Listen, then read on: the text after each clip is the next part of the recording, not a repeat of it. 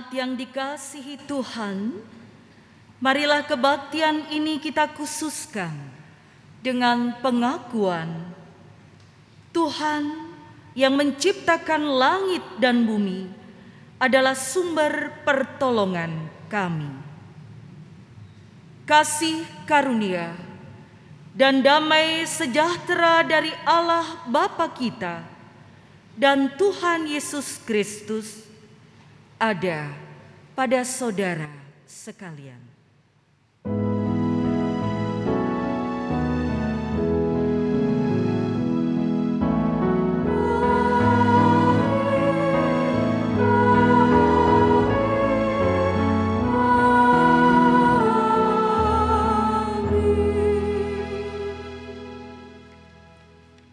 Silakan duduk kembali.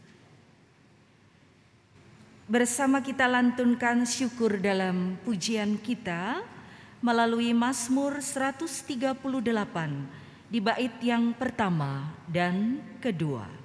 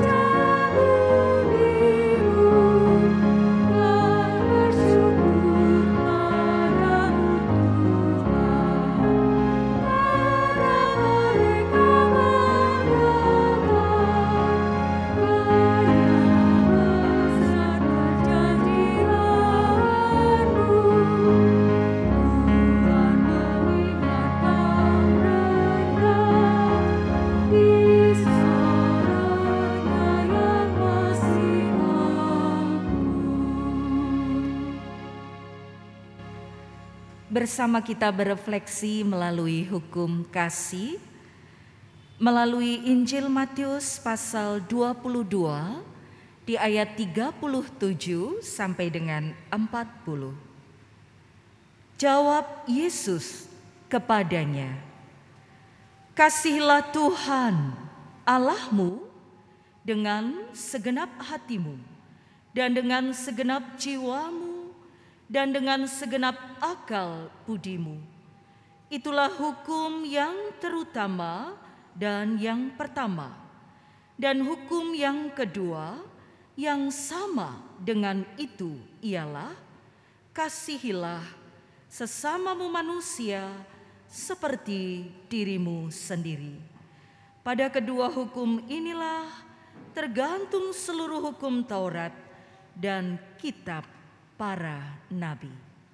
Suaramu ku dengar, kita lantunkan nyanyian penyesalan dosa kita dari Kidung Jemaat 33, bait yang pertama dan kedua. Dan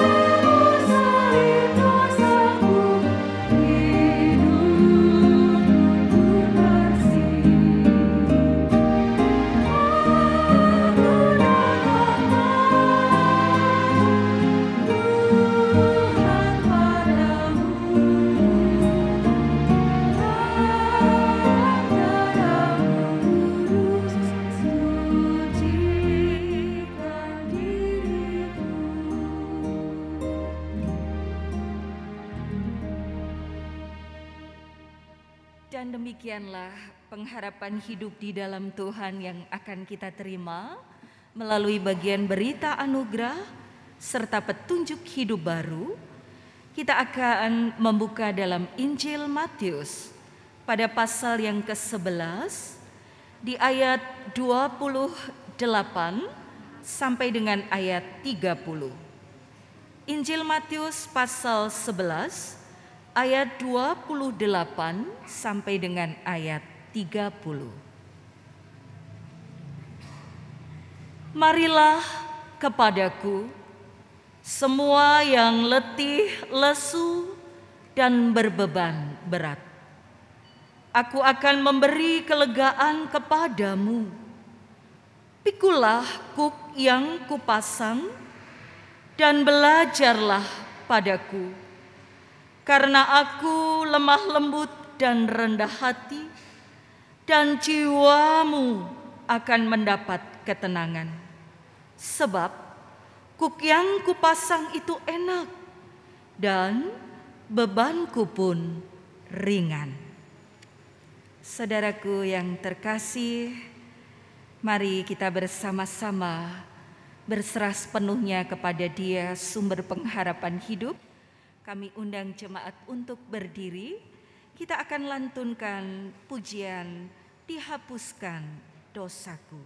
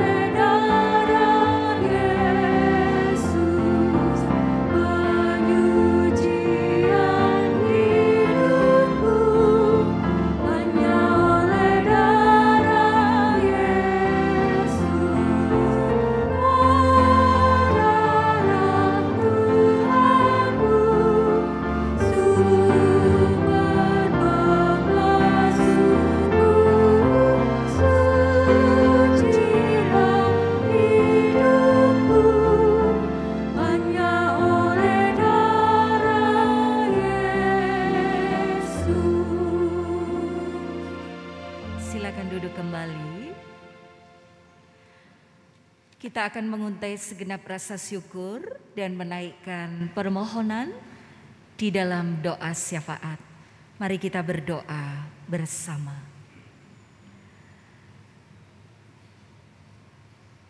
Engkaulah sumber kehidupan kami, mencipta, memberikan pemeliharaan yang senantiasa. Allah yang rahman, yang senantiasa ada di dalam kehidupan.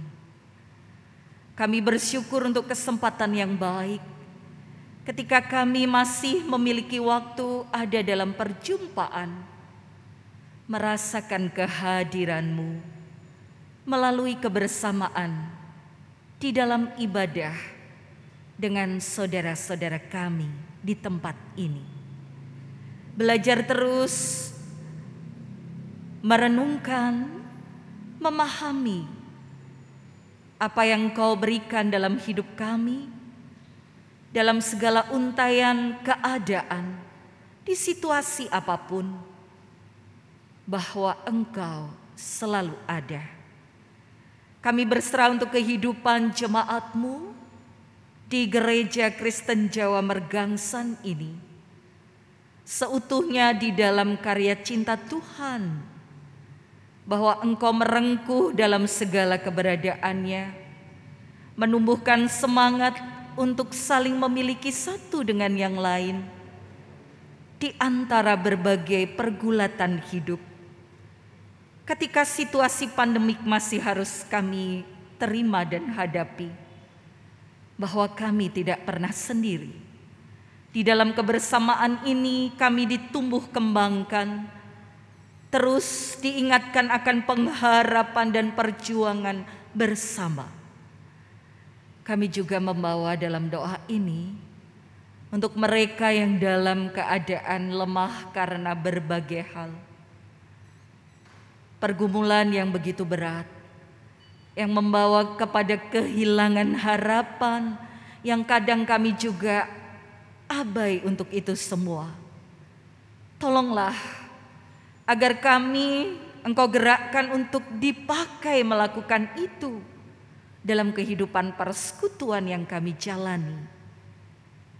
Kami juga berdoa untuk mereka yang dalam keadaan sakit, dalam perawatan secara khusus, dalam proses pemulihan, mereka yang dalam kondisi lemah karena usia yang semakin bertambah, secara fisik mengalami banyak penurunan, tetapi kehidupan iman mereka sungguh lekat dan dekat dengan Engkau.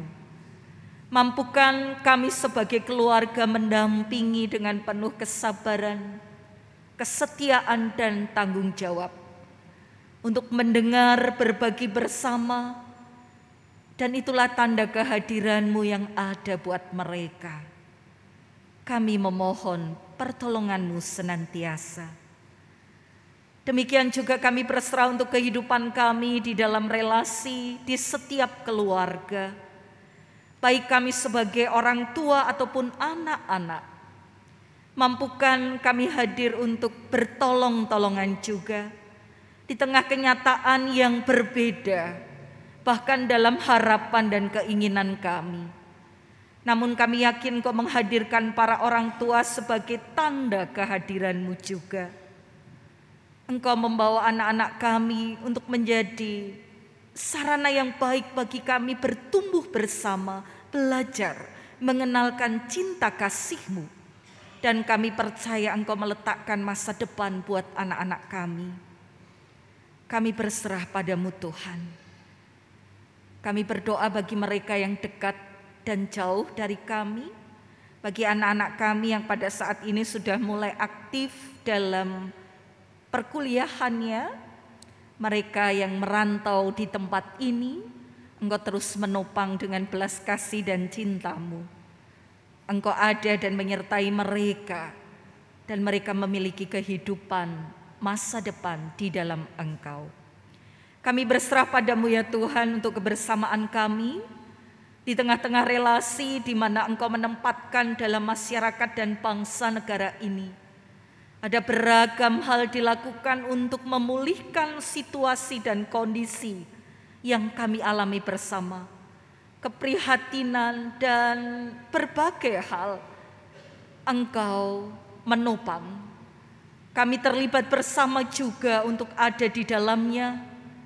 Kami bersama berjuang sehingga dalam kondisi lemah, letih, lesu apa pun itu tetap ada secercah pengharapan yang membawa pada kekuatan untuk melanjutkan hidup. Karena kami tahu kami tidak pernah sendiri. Kami bersama dan dengan Engkau.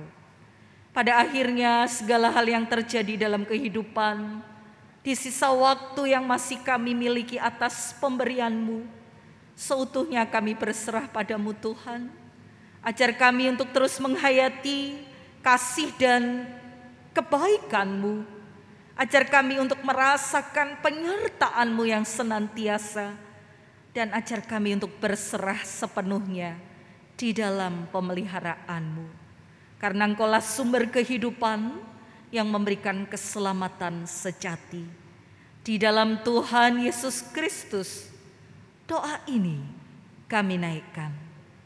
Terima kasih, ya Tuhan. Amin.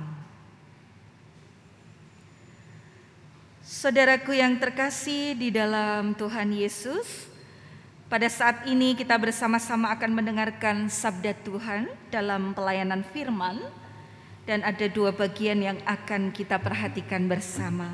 Kita akan mulai dalam bacaan yang pertama. Bacaan pertama diambil dari Yesaya 6 ayat yang pertama sampai 13. Dengan judul perikop Yesaya mendapat panggilan Allah.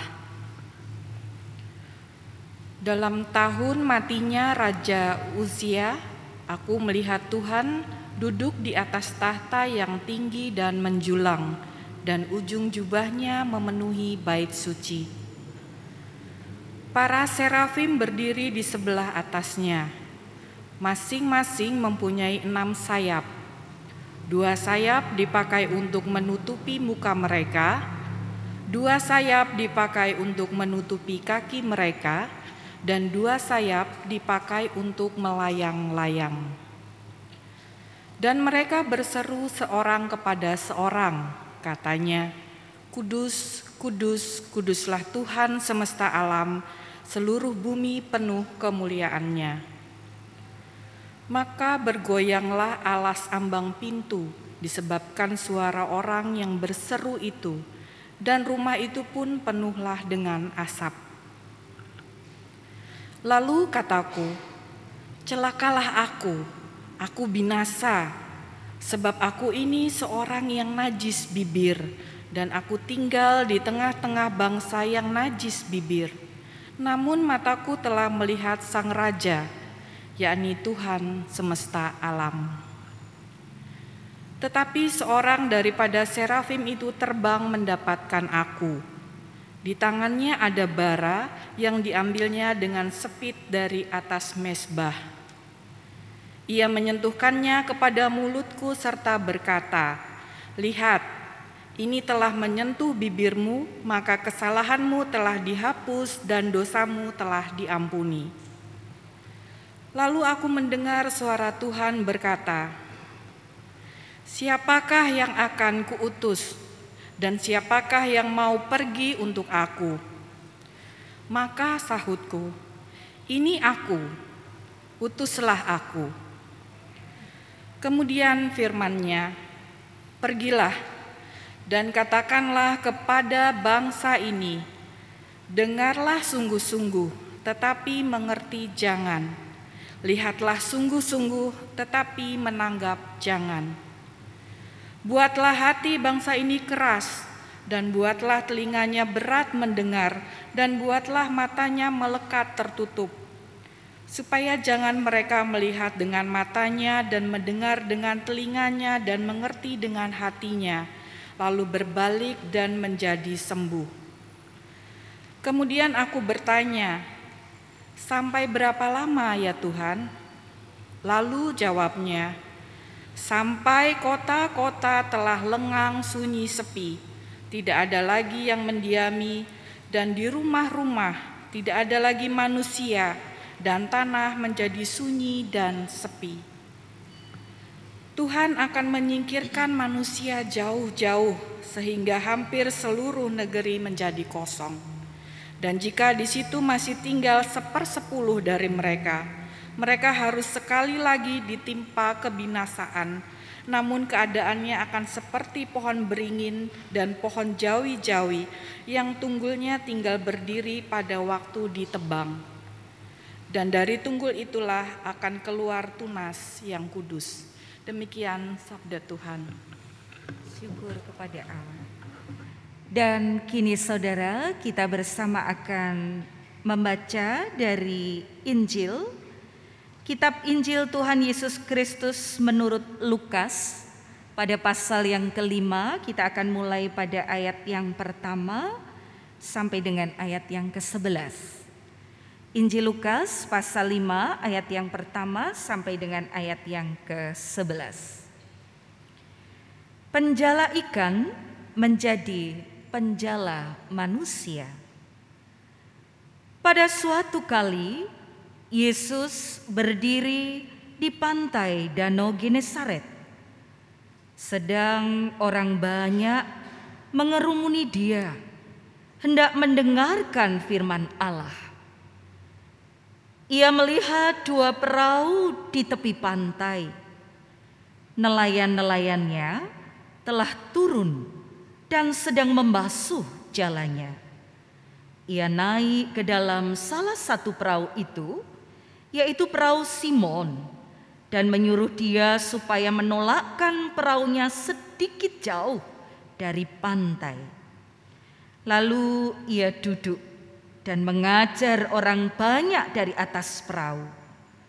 Setelah selesai berbicara, ia berkata kepada Simon, "Bertolaklah ke tempat yang dalam dan tebarkanlah jalamu untuk menangkap ikan." Simon menjawab, "Guru, telah sepanjang malam kami bekerja keras dan kami tidak menangkap apa-apa." Tetapi karena engkau menyuruhnya, aku akan menebarkan jala juga. Dan setelah mereka melakukannya, mereka menangkap sejumlah besar ikan sehingga jala mereka mulai koyak. Lalu mereka memberi isyarat kepada teman-temannya di perahu yang lain supaya mereka datang membantunya. Dan mereka itu datang Lalu mereka bersama-sama mengisi kedua perahu itu dengan ikan hingga hampir tenggelam. Ketika Simon Petrus melihat hal itu, ia pun tersungkur di depan Yesus dan berkata, "Tuhan, pergilah daripadaku, karena aku ini seorang berdosa." Sebab ia dan semua orang yang bersama-sama dengan dia takjub oleh karena banyaknya ikan yang mereka tangkap. Demikian juga Yakobus dan Yohanes, anak-anak Zebedius yang menjadi teman Simon. Kata Yesus kepada Simon, "Jangan takut, mulai dari sekarang engkau akan menjala manusia." Dan sesudah mereka menghela perahu-perahunya ke darat, mereka pun meninggalkan segala sesuatu, lalu mengikut Yesus. Saudaraku yang terkasih, demikianlah sabda Tuhan dari Injil Yesus Kristus. Berbahagialah mereka yang mendengarkan firman Tuhan dan yang memeliharanya. Haleluya!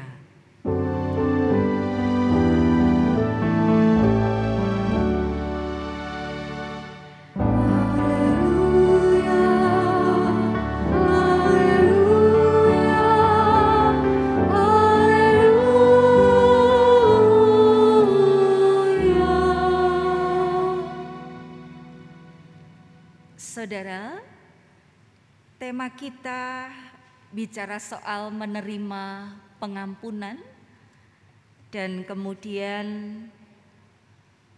perutusan. Dan perikop yang kita baca ada dua hal.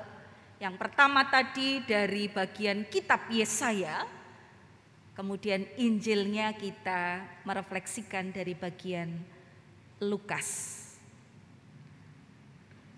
Ini sesuatu yang menarik. Secara khusus saya ingin menggali pada konteks Injil Lukas pasal 5. Di dalam kitab Yesaya kita melihat secara sistematis ada sebuah kesadaran diri akan ketidakberdayaan, kemudian penerimaan diri dan bersedia diutus. Itu juga yang kemudian terjadi dalam konteks Injil Lukas.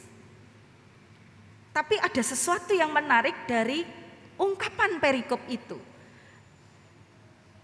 Penjala ikan menjadi penjala manusia. Berarti kan ada perubahan nih ya. Yang tadinya yang dijala itu ikan, kini kemudian yang dijala manusia.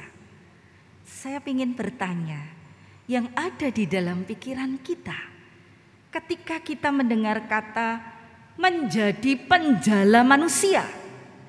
Kalau penjala ikan sudah jelaslah bisa diraba-raba, oh nelayan nih gitu. Tapi penjala manusia apa yang ada di bayangan atau pikiran ibu bapak saudara, anak-anakku terkasih ketika mendengar istilah penjala manusia? Penjala manusia itu seperti apa sih yang kita pahami? Apa ya? Apa Pak Jodoh? Ada Pak Jodoh. Penjala manusia itu seperti apa Pak Jodoh? Apa Pak? Mengikut Tuhan Yesus itu penjala manusia. Nah sekarang uh, depannya Mbak Dia. Uh, mas, Bayu, Pak Bayu. Pak Bayu itu meriah, wah semangat banget gitu. Apa Pak Bayu penjala manusia ketika mendengar ungkapan itu yang ada di pikiran Pak Bayu apa? Apa? Mewarta Injil. Mewartanya memaksa atau tidak? Oh tidak. Oke. Ada yang lain. Apa menjala manusia itu saudara? Setuju dengan Pak Jodo dan Pak Bayu mewarta Injil? Setuju? Setuju enggak ya? Setuju gitu ya. Yang bersyukur tadi jawabannya itu gitu. Dan saya juga merasakan wah maknya selego gitu.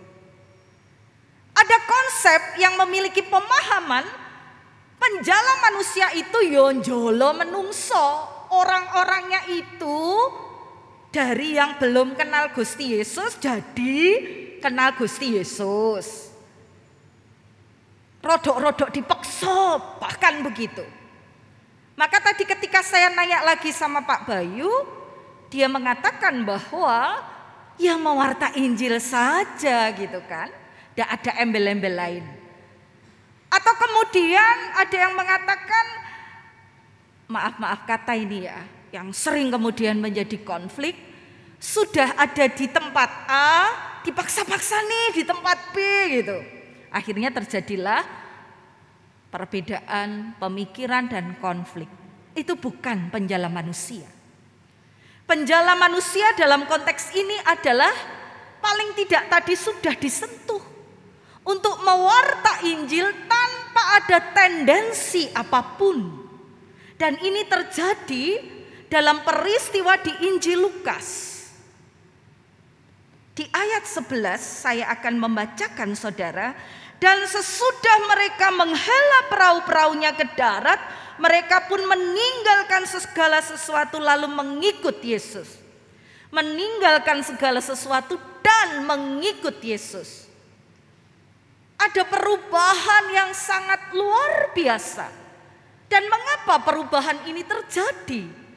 Peristiwa ini adalah perjumpaan Yesus dengan Simon Petrus dan disebutkan kemudian Yakobus dan Yohanes ada beserta mereka.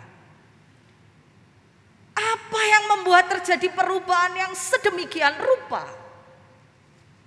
Peristiwanya, saudara, sebenarnya ini terkait dengan ayat-ayat sebelumnya, bahwa Yesus dan Simon Petrus ini sudah pernah ketemu Coba saudara ngeliat di pasal sebelumnya. Ketika Yesus menyembuhkan ibu mertua Simon Petrus. Jadi Simon Petrus itu sudah punya pengenalan tentang Yesus. Jadi sudah menaruh percaya nih sama Yesus. Ini orang baik-baik saja nih gitu ya. Maka ketika Yesus melakukan banyak hal dan kemudian tiba pada peristiwa di ayat 5 pada suatu kali Yesus kemudian ada di pantai Danau Genesaret karena telah melakukan banyak perjalanan menyembuhkan ibu mertua Simon Petrus, mengajar di kota-kota lain gitu ya. Orang ngikutin dia terus. Kenapa sih ngikutin dia? ya terpesona dengan apa yang diceritakan dan diteladankan. Dan ketika suatu kali ia berdiri di panto di pantai Danau Genesaret, sedang orang banyak mengarumuni dia tetap ngikutin, dia hendak mendengarkan firman dari Tuhan Allah, ia melihat ada dua perahu. Dua perahu di pantai. Dan nelayan-nelayannya telah turun dan sedang membasuh jalannya. Jadi mereka sudah selesai nih dari melaut, jalannya dibersihkan gitu ya. Kemudian apa yang terjadi saudara? Ia naik ke dalam salah satu perahu. Perahu siapa yang dinaikin? Perahu Simon Petrus. Dan menyuruh dia menolakkan perahunya sedikit jauh dari pantai. Kenapa sih Simon kok manut yo? Perahunya boleh dipakai oleh Yesus ya karena tadi sudah ada pengenalan, sudah ada perjumpaan sebelumnya. Jadi ini bukan ujuk-ujuk loh ya. Bukan jur durung tahu ketemu, minta perahumu silakan taruh di sana ya, aku naik di atasnya ya. Enggak seperti itu. Tapi mereka sudah mengalami perjumpaan. Maka ketika Simon diminta melakukan itu, dia mempersilahkan. Tanpa ada penolakan apa pun, Injil tidak menceritakan ada penolakan dari Simon. Ketika Yesus menyuruh dia supaya menolakkan perahunya sedikit jauh dari pantai, ia duduk mengajar orang banyak dari atas perahu itu. Menarik sekali saudara, ada dua hal. Yang pertama, strategi pengajaran Yesus, cara mengajar Yesus. Ia biasanya dari satu sinagog ke sinagog yang lain dari satu rumah ibadat, tempat ibadat, rumah doa ke tempat doa yang lain. Tapi kali ini dia memakai medianya adalah danau. Dan dia naik di atas perahu. Dan perahu itu adalah milik nelayan yang bernama Simon Petrus. Artinya perahu itu sama dengan kehidupan profannya Simon Petrus. Kehidupan yang setiap waktu memberikan sesuatu hal yang menjadi kebutuhannya. Yang sehari-hari tersentuh dalam hidupnya. Dan Yesus memakai cara itu. Ketika ia menyuruh Simon untuk agak di tengah pantai, bisa saja kemungkinan yang lain supaya karena audiensnya banyak, dia punya space, ruang yang cukup luas untuk menceritakan banyak hal. Dan media yang dipakai adalah kehidupan yang dekat dan lekat setiap hari ada di dalam dirinya, diri Simon Petrus dan saudara-saudaranya yang lain. Maka saudara-saudaraku, setelah selesai berbicara, setelah selesai mengajar orang banyak di perahunya Simon Petrus bersama Simon Petrus itu, maka hal personal, hal pribadi terjadi dalam percakapan Yesus dan Simon Petrus. Bertolaklah ke tempat yang dalam dan tebarkanlah jalamu. Setelah selesai berbicara, ia berkata, Yesus berkata pada Simon Petrus, "Bertolaklah ke tempat yang dalam, tebarkan jalamu untuk menangkap ikan." Nah, otomatis Saudara, Simon menjawab nih. Ini reaksi yang sangat manusiawi. Dia katakan, "Guru, telah sepanjang malam kami bekerja keras, kami tidak menangkap apa-apa. Alias tidak dapat ikan satu ekor pun. Nah kok enak banget ya ini. Gurunya nyuruh Bertolaklah ke tempat yang dalam dan tebarkanlah jalamu. Tetapi karena engkau yang menyuruhnya, aku menebarkan jalaku juga. Apakah ada keraguan dari kalimat Simon Petrus? Iya, menurut saya. Mungkin ada banyak perasaan berkecamuk di pikiran, ada kegalauan juga. Nggak lihat kok, aku kiwes berusaha loh. Semalam suntuk udah kesel, ini jalannya juga udah dibersihkan, kurang kerjaan banget sih. Aku diajak lagi untuk ke tempat yang lebih dalam, menebarkan jalaku. Saudara-saudara, Simon Petrus, Yokanan atau Yohanes dan Yakobus itu bukan nelayan yang tidak profesional, bukan. Dia nelayan yang sudah sangat profesional. Jadi dia sudah mengenal banget apa yang dia lakukan. Tapi kemudian Simon mengatakan, karena engkau menyuruh aku akan menebarkan jalaku juga. Dan setelah melakukannya apa yang terjadi saudara? Mereka menangkap sejumlah ikan besar. Sehingga jalannya mulai koyak. Lalu memberi isyarat pada perahu yang lain, pada teman-temannya untuk datang dan membantu. Kemudian dimuatin ikan-ikan itu dan bahkan begitu banyak menjadi penuh. Tidak berhenti di situ saudara.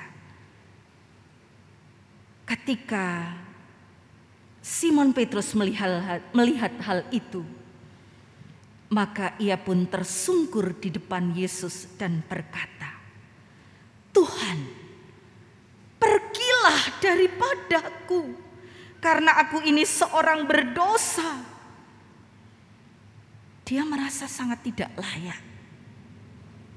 Mengapa dia mengatakan wong wis diewangi? Udah diminta ada di tempat yang lebih dalam, tebarkan jala dapat ikan, harusnya kan aduh matur nuwun ya, terima kasih ya Tuhan. Terima kasih guru, engkau sudah memberikan petunjuk dalam hidupku dan aku sudah mengalami sesuatu yang bisa menjamin hidupku kembali. Tapi kenapa justru kemudian Simon mengatakan melihat hal itu? Apa yang dilihat? Jumlah ikan tangkapan yang begitu besar, yang begitu banyak. Maka tersungkur di depan Yesus dan berkata, "Tuhan, pergilah daripadaku." Di ayat berikutnya saudara kita mendapatkan keterangan Sebab ia dan semua orang yang bersama-sama dengan dia takjub oleh karena banyaknya ikan yang mereka tangkap. Itu persoalannya. Simon merasa tidak layak tersungkur di depan Yesus dan berkata, "Pergilah Yesus daripadaku, karena aku ini orang berdosa." Karena dia takjub akan apa yang dilakukan Yesus terhadap dirinya. Dalam bahasa Yunani, kata takjub ini punya arti yang dalam. Terpesona tetapi juga bikin gemeter. Terpesona tapi juga takut. Dan itu ditangkap oleh Yesus. Situasi itu dilihat oleh Yesus terjadi pada diri Simon Petrus dan beberapa lainnya. Mereka menyaksikan Yesus setengah hati, meyakini, dan kemudian mereka merasa tidak layak. Betapa rapuhnya saya. Saya mendengar, melakukan, tapi hati saya tidak sepenuhnya menerima apa yang ku dengar dan sedang ku lakukan bahkan. Maka dia merasa tidak layak. Karena ketakjubannya itu, keterpesonaannya itu. Bahasa Yunaninya itu kalau saya tidak salah ingat tabos. Terpesona dan ketakutan bercampur baur. Dan itu ditangkap oleh Yesus saudara. Suasana itu dilihat oleh Yesus kemudian Yesus katakan di ayat selanjutnya bahwa jangan takut. Jangan takut. Mereka bahkan diberi kepercayaan Demikian juga Yakobus dan Yohanes anak-anak Zebedeus yang menjadi teman Simon. Kata Yesus pada Simon, "Jangan takut. Mulai dari sekarang engkau akan menjala manusia." Mereka sedang takjub, terpesona dan takut dan Yesus selalu menjawab, "Jangan takut." mulai sekarang kamu akan menjadi penjala manusia. Apa yang dilakukan Yesus menggetarkan hatinya Simon Petrus. Apa yang disaksikan oleh Simon Petrus dengan peristiwa yang dialami bersama Yesus membuat ia takjub dan terpesona, tetapi juga merasa kecil, tak berarti rapuh dan di saat itu Yesus memberikan sebuah penegasan. Jangan takut. Mulai saat ini engkau akan menjadi penjala manusia. Dan kemudian mereka meninggalkan segala sesuatunya dan mengikut Yesus. Saudara-saudara, maka inilah yang saya rasa kemudian menjadi refleksi bagi hidup kita kita sering kali menyaksikan kehadiran Yesus yang setiap waktu ada di dalam hidup kita. Ketika kita ada di dalam kesulitan, ketika seolah-olah situasi hidup tidak segera kemudian membawa kita pada harapan yang real. Saya sudah berjuang kurang apa lagi Tuhan. Pandemik sudah saya lalui dua tahun lebih. Kerja keras kurang apalagi kepala jadi kaki, kaki jadi kepala.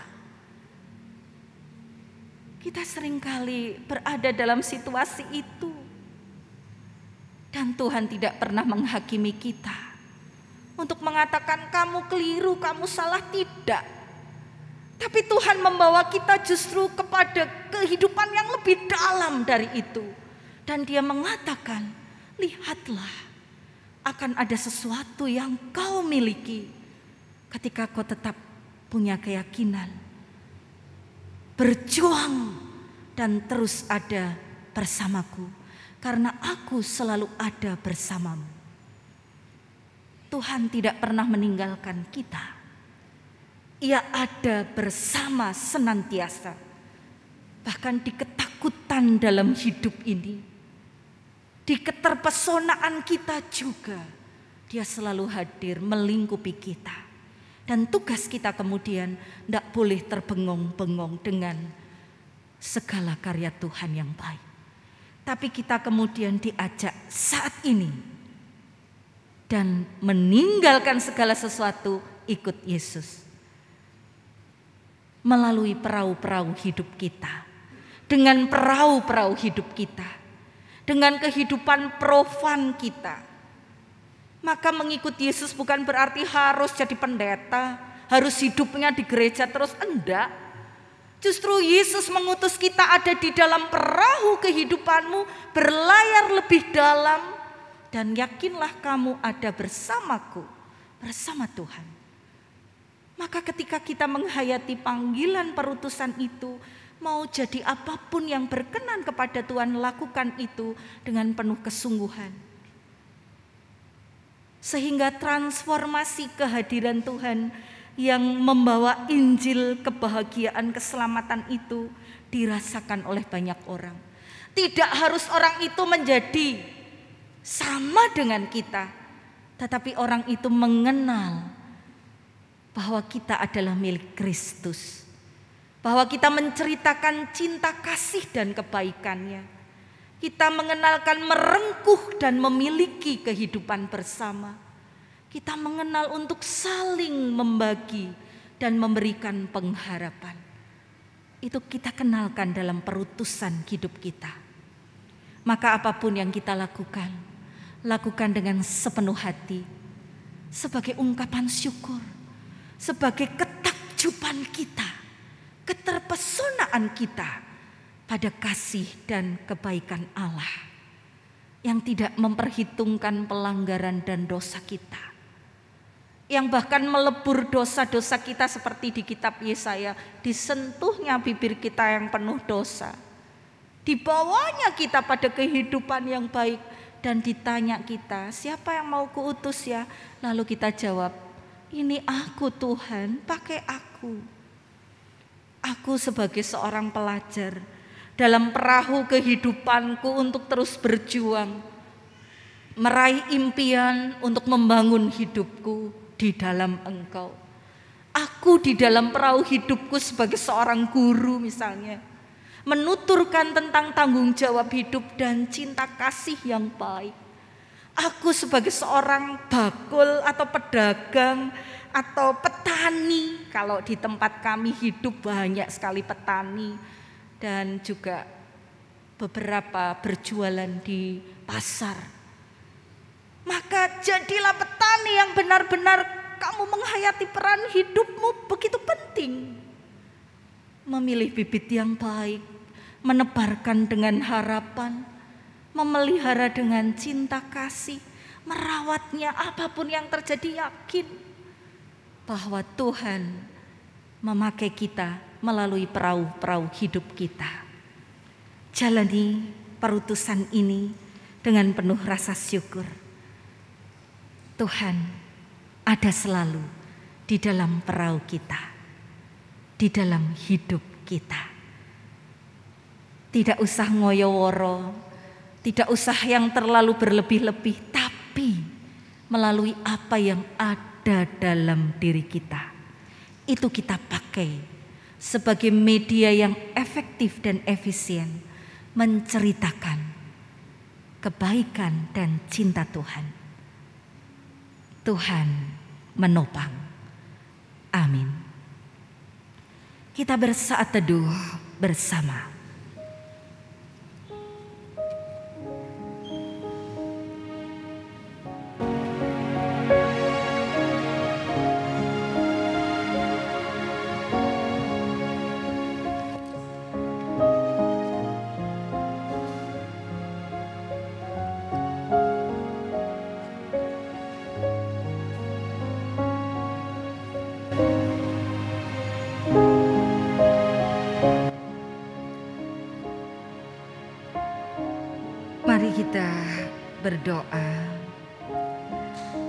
Terima kasih untuk kasih setiamu di sepanjang hidup kami. Terima kasih untuk setiap kisah dalam perjalanan hidup. Membawa kami pada siarah batin merasakan kedalaman pengajaran dan ketulusan cintamu dalam hidup kami. Engkau memakai kami yang rapuh. Engkau memakai kami yang penuh dosa yang sering kali meragukan kehadiranmu. Dibuatnya menjadi semakin takjub, terpesona, tergetar, dan semakin yakin bahwa engkaulah sumber pertolonganku, pertolongan kami dalam hidup ini. Maka dalam situasi apa pun kami belajar berserah seutuhnya pada engkau, sumber kehidupan yang sejati. Amin. Kami undang jemaat untuk berdiri. Kita bersama-sama akan mengikrarkan pengakuan iman rasuli kita. Aku percaya kepada Allah, Bapa yang Maha Kuasa, Kalit langit dan bumi, dan kepada Yesus Kristus, anaknya yang tunggal Tuhan kita, yang dikandung daripada Roh Kudus, lahir dari anak darah Maria, yang menderita di bawah pemerintahan Pontius Pilatus, disalibkan, mati, dan dikuburkan, turun ke dalam kerajaan maut. Pada hari yang ketiga, bangkit pula dari antara orang mati, naik ke surga, duduk di sebelah kanan Allah, Bapa yang Maha Kuasa dan akan datang dari sana untuk menghakimi orang yang hidup dan yang mati. Aku percaya pada Roh Kudus, gereja yang kudus dan am, persekutuan orang kudus, pengampunan dosa, kebangkitan daging, dan hidup yang kekal. Silakan duduk kembali.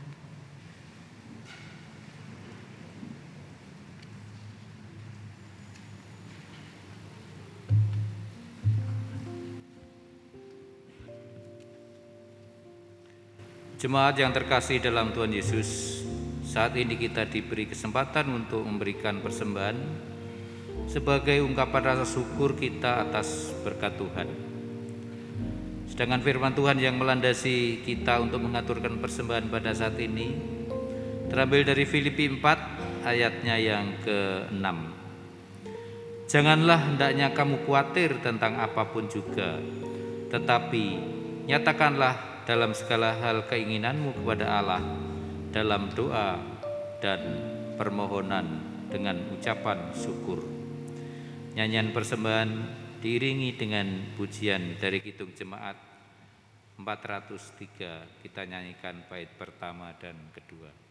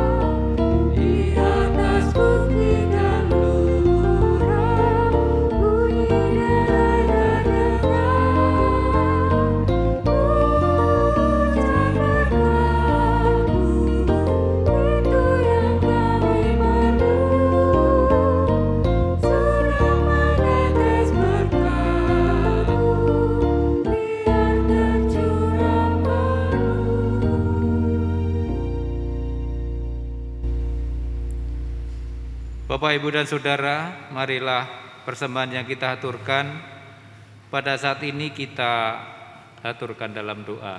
Kami akan memimpin doa ini. Kembali kami menghadap kehadiratmu ya Tuhan, mengucapkan syukur senantiasa karena Tuhan menyertai hidup kami. Terlebih pada saat ini Tuhan berikan kesempatan bagi kami untuk memberikan sebagian kecil dari berkat-Mu yang melimpah dalam hidup kami. Ya Tuhan, kiranya persembahan yang kami aturkan pada saat ini dapat berguna bagi sesama kami. Kami juga sudah menerima firman-Mu pada saat ini melalui hamba-Mu, Ibu Pendeta Esti Widyasuti ya Tuhan. Kiranya firman yang kami terima pada saat ini dapat kami refleksikan di dalam kehidupan kami hari lepas hari. Ampunilah segala dosa dan kesalahan kami, seandainya dalam kami menyampaikan persembahan ini terdapat hal yang kurang berkenan di hadapan-Mu. Di dalam nama Tuhan Yesus Kristus doa yang kurang sempurna ini kami naikkan. Amin.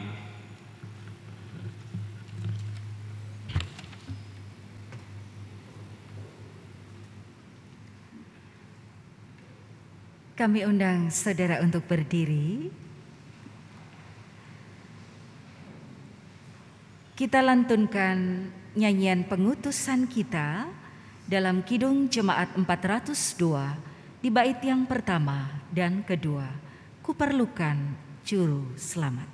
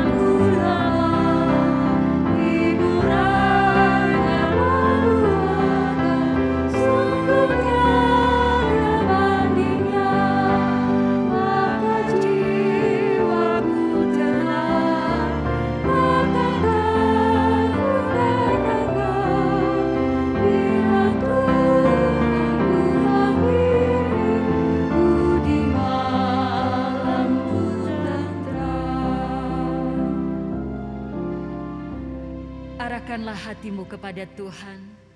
Terimalah rasa syukur dengan sepenuh hati. Milikilah keberserahan diri dan yakinlah hidupmu dipakai untuk mewarta cinta kasihnya. Berkat Tuhan menyertaimu. Tuhan memberkati saudara dan melindungi saudara. Tuhan menyinari saudara dengan wajahnya dan memberi saudara kasih karunia.